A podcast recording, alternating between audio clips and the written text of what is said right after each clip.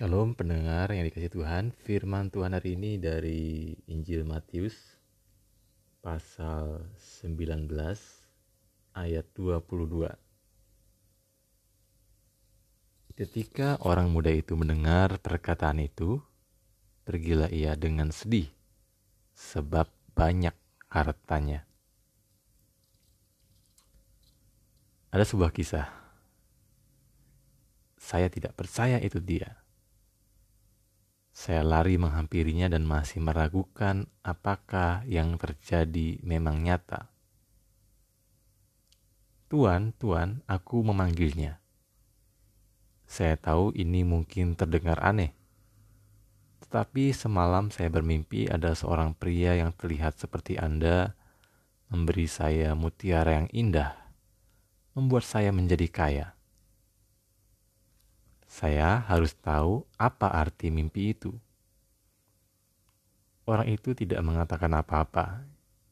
Dia hanya menatapku selama beberapa detik dan kemudian mulai membuka tas kain yang dibawanya. Saya benar-benar terkejut saat ia menarik mutiara yang sungguh indah dan cantik. Kemudian ia menyerahkannya kepada saya dengan senyum di wajahnya. Saya baru saja menemukan ini saat menyusur pantai, katanya. Anda bisa memilikinya. Itu milik Anda. Ia memberi saya mutiara itu dan berjalan pergi. Saya segera pulang ke rumah dengan penuh semangat. Dengan pikiran yang luar biasa. Saya kaya. Malam itu saya terbangun sambil memikirkan apa yang harus dilakukan dengan mutiara itu.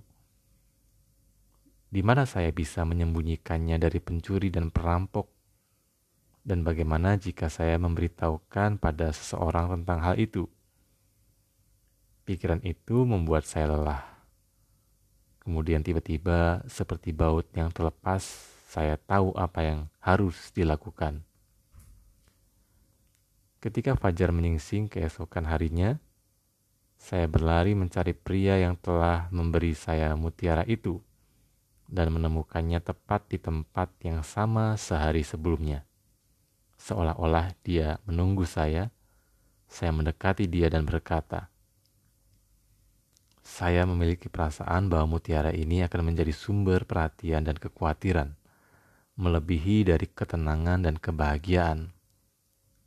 Saya mengembalikannya pada Anda. Dan saya ingin Anda mengajari saya bagaimana Anda bisa melepaskannya begitu mudah. Itulah yang saya yakini sebagai kekayaan sejati. Kisah ini berasal dari dongeng India kuno. Pendengar yang terkasih dalam Tuhan, ketika kita kehilangan sesuatu yang berharga, kita akan mencarinya sampai mendapat. Kita tidak rela bila sesuatu itu yang berharga itu hilang dari kita.